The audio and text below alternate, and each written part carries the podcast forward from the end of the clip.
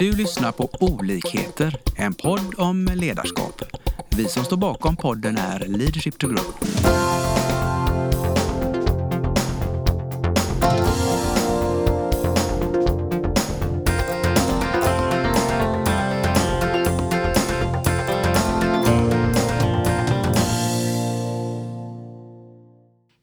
Välkomna till dagens avsnitt. Idag är det eh, Nicole och Lars från Leadership to Grow som poddar tillsammans med eh, Alexandra som är VD för Venture Cup. Välkommen hit Alexandra. Tack snälla. Kul att du är här. Kul att vara här. Vi är väldigt nyfikna här nu på dig. Ehm, Så jag tänker att du kan få börja och berätta lite om eh, ja, vem du är helt enkelt och, och din resa till, till där du är idag. Eh, Eh, jag jobbar ju som vd för VentureCap, både för eh, Venture Sverige och VentureCap eh, Väst, så jag ansvarar för verksamheter i hela landet. Men eh, bor och utgår från Göteborg, eh, där jag är uppväxt. Jag eh, kommer från eh, en värld där jag läste ekonomi redan på gymnasiet och sen eh, pluggade handels och marknadsföring och hade väl eh, som många göteborgare på det här lärosätet tanke på att börja på Volvo eller jobba som någon form av konsult. Eh, men så läste jag entreprenörsutbildningen som mitt sista år på som magisterutbildning. Eh, och där kom jag i kontakt med tillväxtföretag och entreprenörer. Vilket har i och för sig kanske varit ganska naturligt för jag, både mina föräldrar och många runt omkring mig har varit omgiven av den typen av bolag och eh, personer. Eh, men i samband med att jag också läste det så blev det ganska glasklart för mig att det här är den enda typen av företag som jag gärna vill syssla med. Sen har jag inte byggt så många företag själv men jag har ju fått verka med otroligt många spännande entreprenörer eh, och eh, bolag runt omkring mig. Så det är väl lite kort. Ja, Jag tänker då, det hände något då sista året på Handels. Vad, vad hände med dig då när du kom i kontakt med entreprenörsprogrammet? Nej, men det är väl egentligen eh, hela strukturen runt omkring. Vi, det, det här, den utbildningen som jag nämnde nu var ju rätt så speciell. Den byggde Eh, det är ju fortfarande en akademisk utbildning som eh, byggde på att man kom dit med sina akademiska meriter som man sökte in på.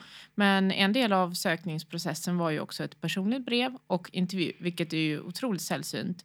Eh, den utbildning som jag läser har ju till exempel inte haft, eh, eller som jag har läst på Handels fram till dess, har ju ha, inte haft en enda dag praktik. Sen har man ju givetvis både jobbat och liksom skaffat sig erfarenhet på andra sätt. Eh, och då kom jag in på entreprenörsutbildningen så, som då bestod av att man skulle grupperas eh, med personer eh, som var både lika och olika en själv. Vi skulle faktiskt eh, jobba rent praktiskt med att bygga bolag, eh, jobba med, eh, vi fick ju tillgång till ett enormt eh, nätverk från näringslivet. Eh, också faktiskt fick lära oss väldigt mycket om hur egentligen näringslivet i Sverige ser ut och vad det drivs av, vilket var ju väldigt mycket små och medelstora företag och det entreprenöriella. Spännande. Och vad ledde det till för dig? Ja, det ledde ju... Först och främst så, så ledde det ju kanske egentligen till den personliga utvecklingen. Det tycker jag väl i, i egentligen den essensen som var allra viktigast. För oavsett om jag hade var någonstans jag hade hamnat professionellt så var det det som jag lärde mig där i var ju egentligen eh, den mm, ja, möjligheten till att samverka och förstå andra människor. Alltså all, allt det, eh, alla de perspektiv, eh, all kunskap om olikheter och också eh, möjligheten till att eh, nyttja det på rätt sätt. Att Har- kunna lära sig att förstå liksom, andra människor. Mm. Har du något exempel där som du kan... eh, Ja, eh, vi har ju eh, som sagt, vi sökte ju på eh, våra akademiska meriter, men och det enda som räckte var att man hade kandidatexamen. Sen fick man ju lov att komma från vilken institution som helst. Mm. Så vi var ju ett gäng eh, handelsstudenter, det var ingenjörer, men det var också helt andra bakgrunder, som till exempel en tjej som eh, kom till att jobba eh, väldigt nära med mig och min kollega som kom från litteratur, som litteraturvetare. Mm. Okej. Ehm, och hade en, Otippat. eh, väldigt otippad och också var en väldigt, eh, nu, nu, man kan ju vara väldigt olika person oavsett vad man läser. Men vissa liksom förkroppsligar sig ju ganska mycket eh, sina både studieerfarenheter och hon var väl kanske väldigt mycket sån.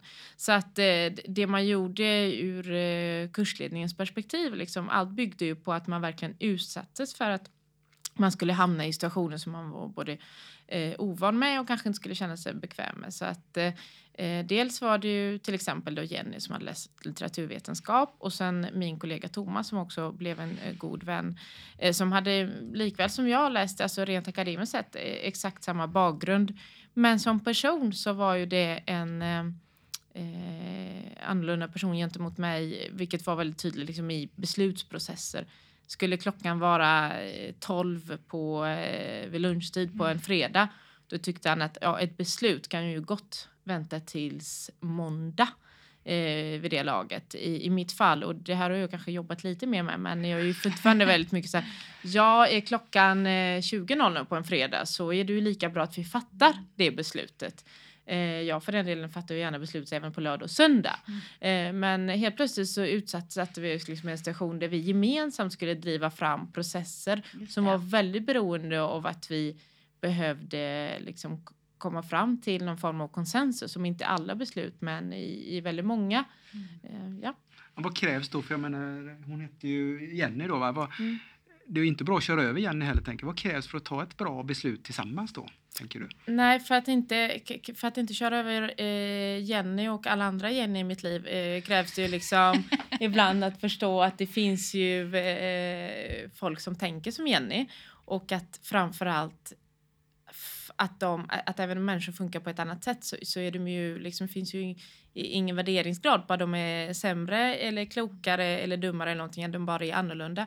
Och det är väl egentligen den absolut största insikten, att kunna liksom förstå att vi funkar på olika sätt och vi har, olika liksom verktyg och, och medel eh, till att nå mål, men det betyder inte att inte vi är på väg till samma mål. Mm så det var väl egentligen, eh, vi hade en hel del olika personlighetstester, vilket också är rätt så udda i under en studietid. Det är ju mycket som utövas kanske när man väl kommit in i arbetslivet och Mm. eh, också intagit en viss position.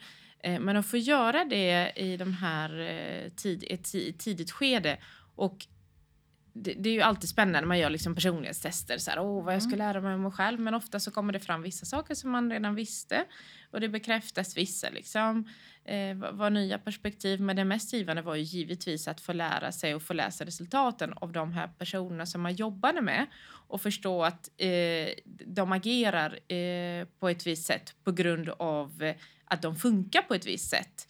Inte på grund av att de liksom... Eh, att inte tolka saker och, och, och gärningar utifrån sitt egna perspektiv. Att förstå att det finns liksom andra perspektiv och de är inte värre eller sämre utan de är bara annorlunda. Mm. Vad skulle du säga då? Är den lärdomen eller insikten du fick då om olika personligheter, är den viktigare än, än den rent akademiska handelsutbildningen? Ja, det var den. Kan du utveckla det? Eh, det, var, det var den. Sen kan du ju säga, det är ju också lätt att säga det när man tänker att ja, den var ju väldigt viktig för mig, men det är också för att jag hade gått på Handels i närmare fyra år och hade liksom haft det. Det är klart att det finns ju jättemycket fakta och baskunskap och, och eh, ja, studietekniker, eh, whatever, som, som man har fått med sig. Men eh, det har lärt, det här kunskapen kanske har gett mig en mycket snabbare och effektivare väg till eh, väldigt mycket i mitt liv. Liksom. Och, och, det tror jag att jag har kunnat applicera både professionellt men även privat. Så att eh, det, det är lika. Det, det är viktigt både och men jag tror att det här har varit en viktigare e- eller kunskap eh, än det man kan läsa sig till rent teoretiskt. Är det någonting du värdesätter också nu då? Jag tänker i din roll eller i rekrytering genom åren, i andra roller du har haft. Har du haft med dig det perspektivet också då? När jag anställer tänker du? Mm. Ja, det kanske jag... Alltså, jag, jag, vet, nej, jag vet inte om jag... Det, det är i alla fall i samband när man liksom försöker... Nej, jag vet inte. Jag, det är klart att jag vet ju att personer... Alltså egenskapen eller viljan hos människor till att utvecklas och lära sig är ju viktigare än den kunskapen man har. Mm. Så det är klart att eh, rent... Eh, eh, rekryteringsmässigt så, tittar jag ju givetvis, alltså det väger ju högre om en person har vissa egenskaper eh, mer än eh, faktiska kunskaper om saker och ting. Eh, om man nu behöver liksom jämföra dem. En spaning då, det låter ju väldigt hoppfullt att man kan liksom alltid, ja, om man vill utvecklas så kan man alltid komma vidare. Det är inte så viktigt med basen då akademiskt. Utan ja, eller så finns det kanske också människor som kommer aldrig utvecklas vare sig du vill eller inte. De ska göra det. Så, så, så skulle jag kunna tycka också. Det, det också finns vara, ju ja. de som... eh, Det, det, nej, jag menar, det, det, det har man ju också mött. Personer som absolut inte tycker att det är varken viktigt, givande eller behövligt. Det finns ju de som redan vet om de har rätt. Mm. Men eh, ja. Men nu blev jag nyfiken om man tar med det in då i Venture Cup och det här Mm. med att, få fram eh, nya spännande bolag. Då tänker jag, där är väl de här egenskaperna extremt värdefulla. Ja, och det, är som, alltså det som är egentligen intressant med Venture Cup, förutom för det, anledningen till att jag idag jobbar med Venture Cup och fortsätter göra det, är ju för att jag tycker det är otroligt liksom, dynamik i mitt arbete och eh, menar, möjligheten till att träffa väldigt mycket intressanta människor och hamna i spännande sammanhang. Eh, och det är ju egentligen den eh, dynamiken som jag tycker är, är spännande i sig. Men rent krast i verksamheten när man ser på entreprenörer, vi jobbar med affärsidéer, vi jobbar med innovationer, vi sitter vi, vi själva på Venture Cup utvärderar ju inte på något sätt idéerna, men vi finns ju med eh, det nätverket och, och de panelerna som gör det. Och det har vi ju liksom fått höra gång efter gång att eh, det är ju personligheterna hos de här personerna och drivkraften som är det helt avgörande. Eh, vi har ju ofta liksom folk som tycker att jag har en väldigt bra affärsidé men jag är så otroligt orolig. Alltså, hur, hur funkar sekretessen? Och, eh, det finns ju säkert någon som kanske kan komma till att ta och sno min idé och så vidare. Och det har jag respekt för. För att har man kommit fram till något så ska man absolut vara rädd om det. Men vi ser ju också att det finns ju väldigt många bra affärsidéer och oftast har du tänkt på, har du tänkt på det själv så, och är det en riktigt bra idé så är det ju troligtvis några andra som har tänkt på det samtidigt. Eh, däremot så är det ju inte själva grundidén utan det är genomförandekraften hos personen som står bakom det eller som försöker driva igång det som är avgörande. Så att eh, jag tycker nog personliga egenskaper är och möjligheten till att genomföra det är absolut grundläggande. Men det som är ännu viktigare är ju också att hitta andra personer som man kan, alltså att man någonstans hittar personer som kan komplettera en. Eh, och nu pratar om det Nicole förut, eh, hur, hur tänker du när du anställer? Men jag har ju haft eh, vissa anställningsintervjuer där jag kanske till och med rekryterat till en och samma position där jag eh, finns ju faktiskt exempel där jag har tagit med mig en av mina medarbetare och sagt så här, nu är du med och hör du nu att den här personen är precis som jag är, alltså i, i alla minsta liksom verkar alldeles för lik mig. Så säger du till mig, för då ska inte den personen jobba här. Vi ska inte ha en himla massa personer, för det är väldigt lätt och det har hänt mig flera gånger att man gärna krokar arm med de här som ja, men pre- tänker precis som jag. Så här tänkte jag för fem eller tio år sedan eller något sånt. Eh, men det är ju inte det som är, i alla fall inte i en mindre organisation där jag verkar. Det vill du ju ha kompletterande roller och en mångfald tycker jag är viktigt. Men vad krävs då? För det man krävs ju lite mod där. Man måste gå ur komfortzonen och, och, och bonda med sådana som man kanske inte naturligt eh, bondar med normalt. Ja, det tycker jag. Och det- jag tycker att man behöver... Och det, det handlar ju återigen liksom, eh, om att kunna förstå att eh, man, har liksom, man är bara olika. Eh, och man är inte sämre eller bättre för det. Eh, och troligtvis så kommer man ju alltid ha roligare med dem som är lika än en själv. Men eh, det finns ju olika tillfällen också det, när man ska roligt eller när man ska faktiskt åstadkomma någonting. Och då kanske det handlar om att man hittar personer som man kan åstadkomma någonting med tillsammans. Så att, ja. Om du ska ge ett råd då till våra lyssnare, för det krävs att de är lite modiga här låter det som då, för att komma vidare. Modiga, men jag tänker att det är, det är väl egentligen bara att eh, man behöver... Jag tycker det är viktigt ibland att bara förstå att saker och ting handlar inte om en själv. Det är väldigt, väldigt ofta som man kan bli ängslig och, eh, jag menar, och det handlar ju bo, både lika mycket i familj och, och, och privata relationer, vänskap som på jobbet. Att man eh, grubblar över saker och ting och hela tiden utgår från att den andras reaktion eller den andras gärningar beror på en själv. Mm.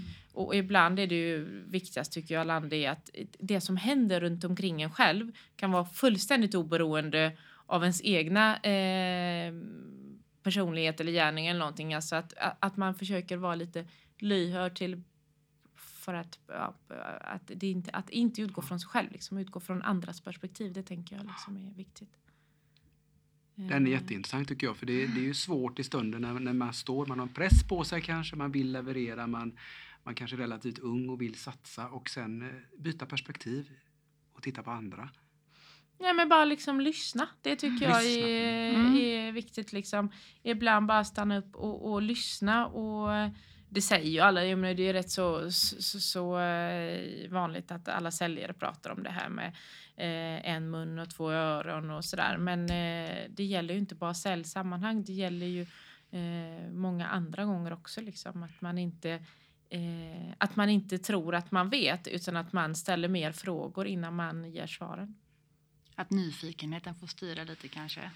Ja, och liksom en... Eh, inte nu, och jag är väldigt snabb på, som uppenbarligen så sa jag det, jag är ju snabb på att fatta beslut. Jag är eh, rätt så snabb på att ha åsikter om saker och liksom eh, men att man inte behöver liksom springa före utan att man kan ibland istället för att eh, veta svaret och, och, och, få fram svaret genom att lyssna på andra.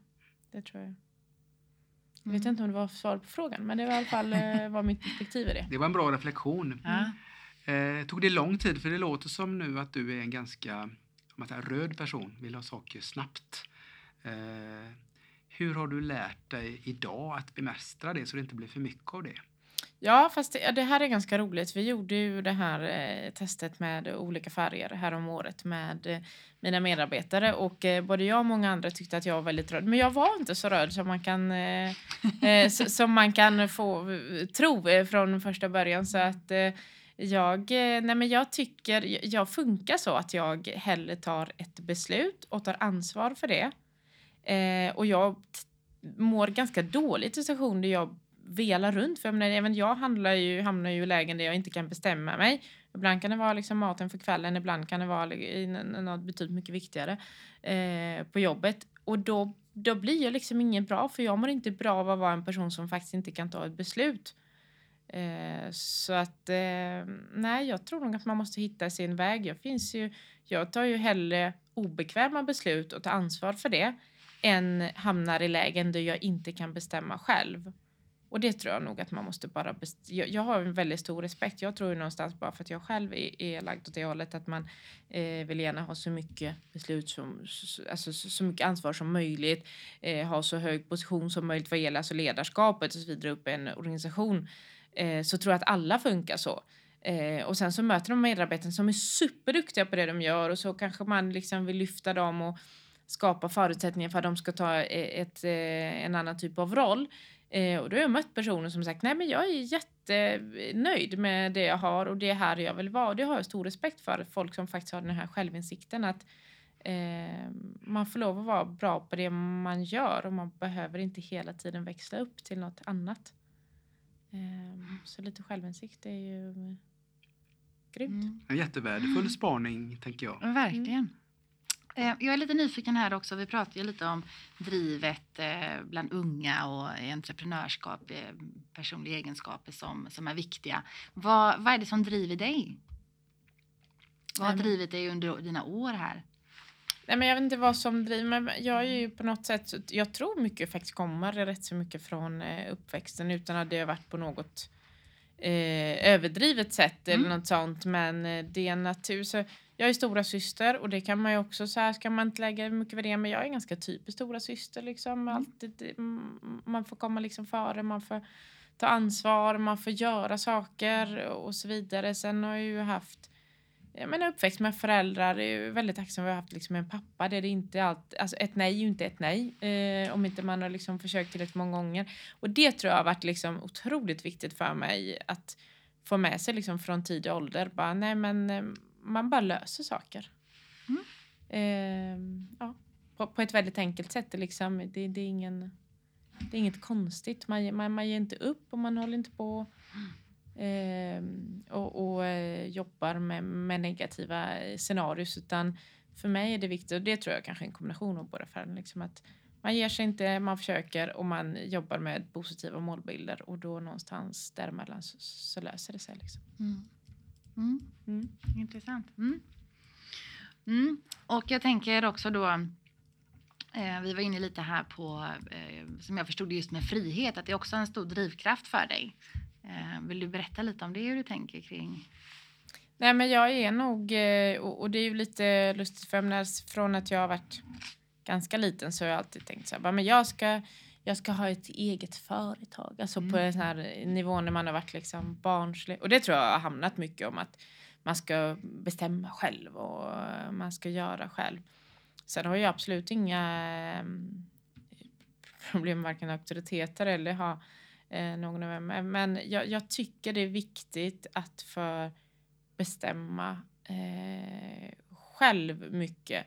Sen behöver det som jag sa, jag behöver inte eh, fatta egna beslut och vara den som bestämmer saker.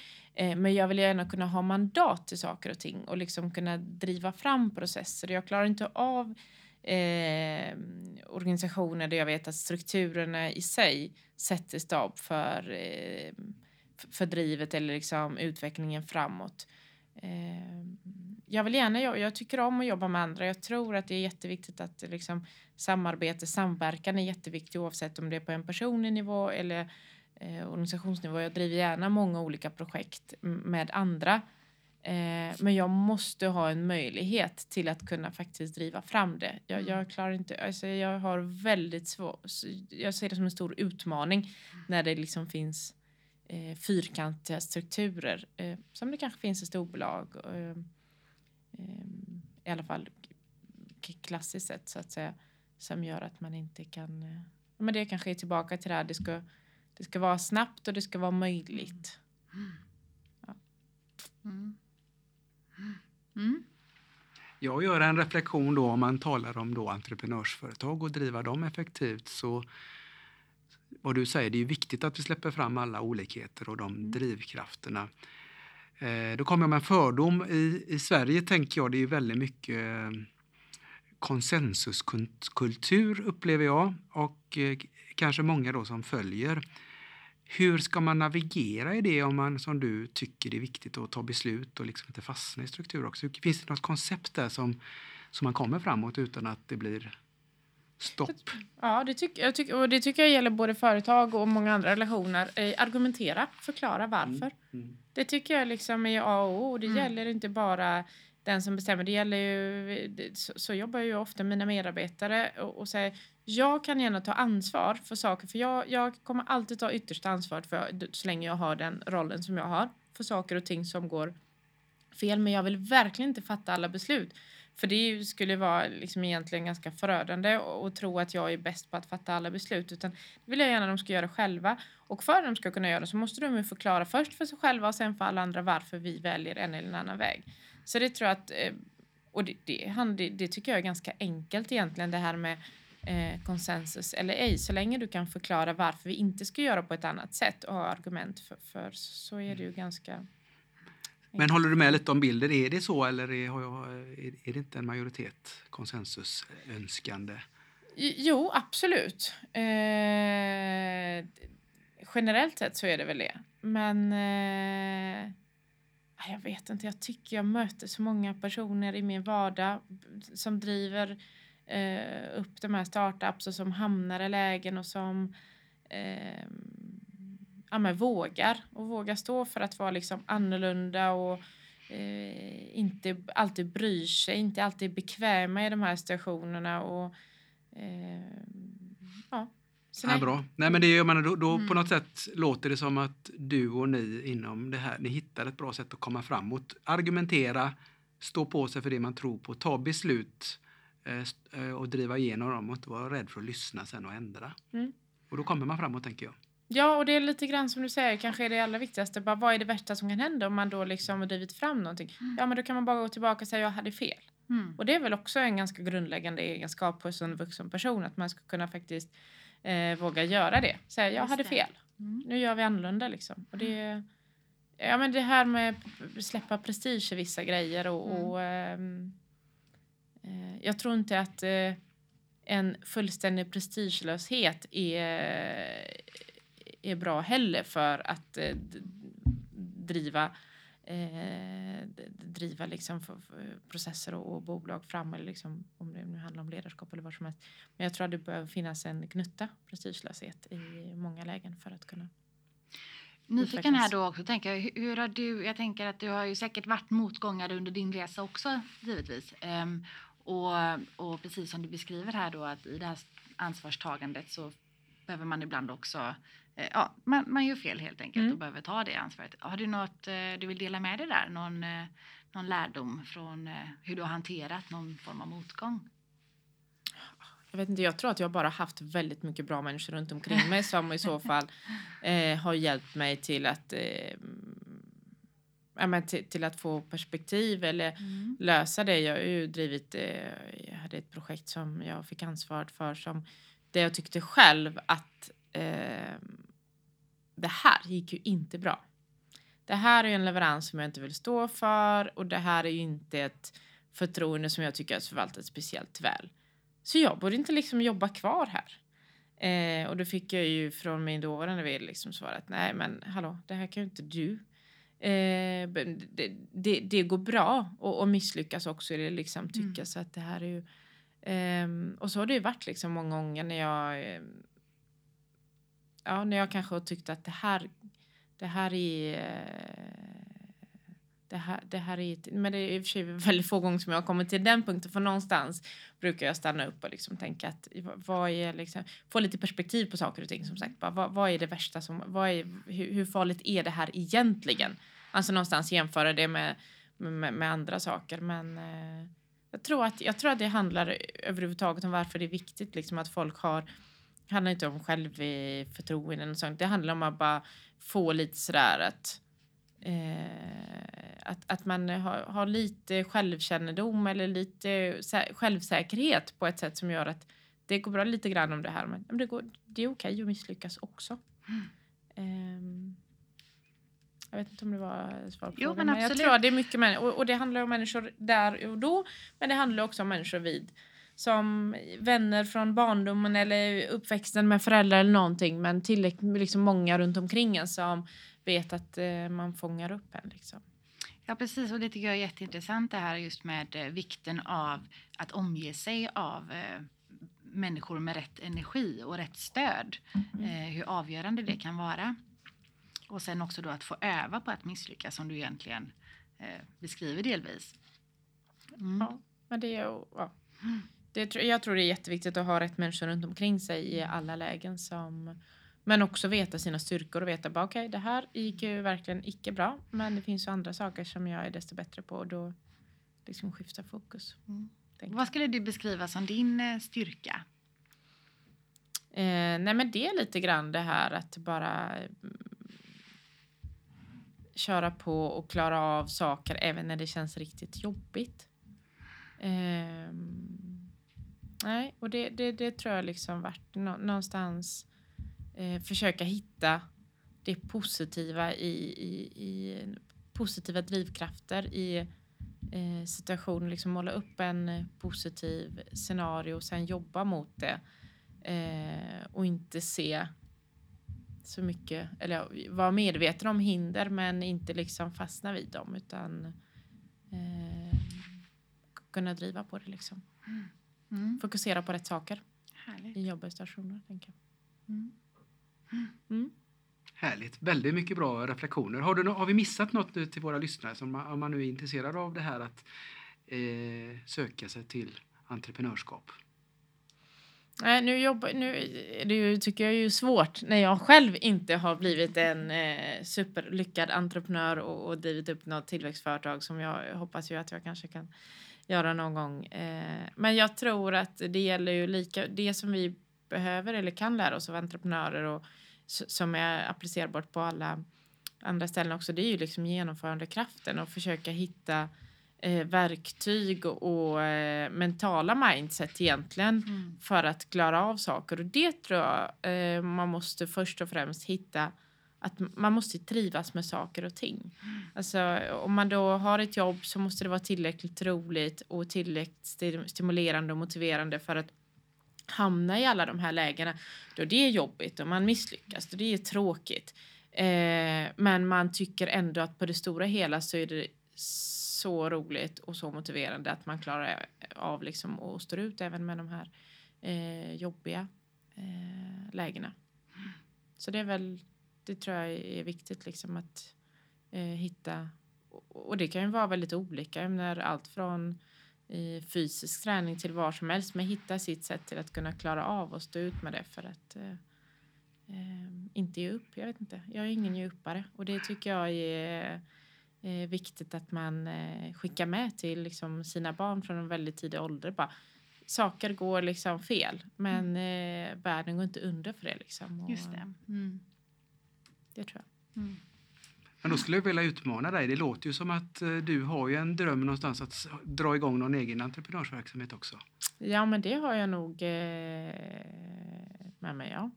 Och vad är första steget där då? Nej, men ja, det borde ju väl jag veta som jobbar med entreprenörskapet. det är ju bara att starta.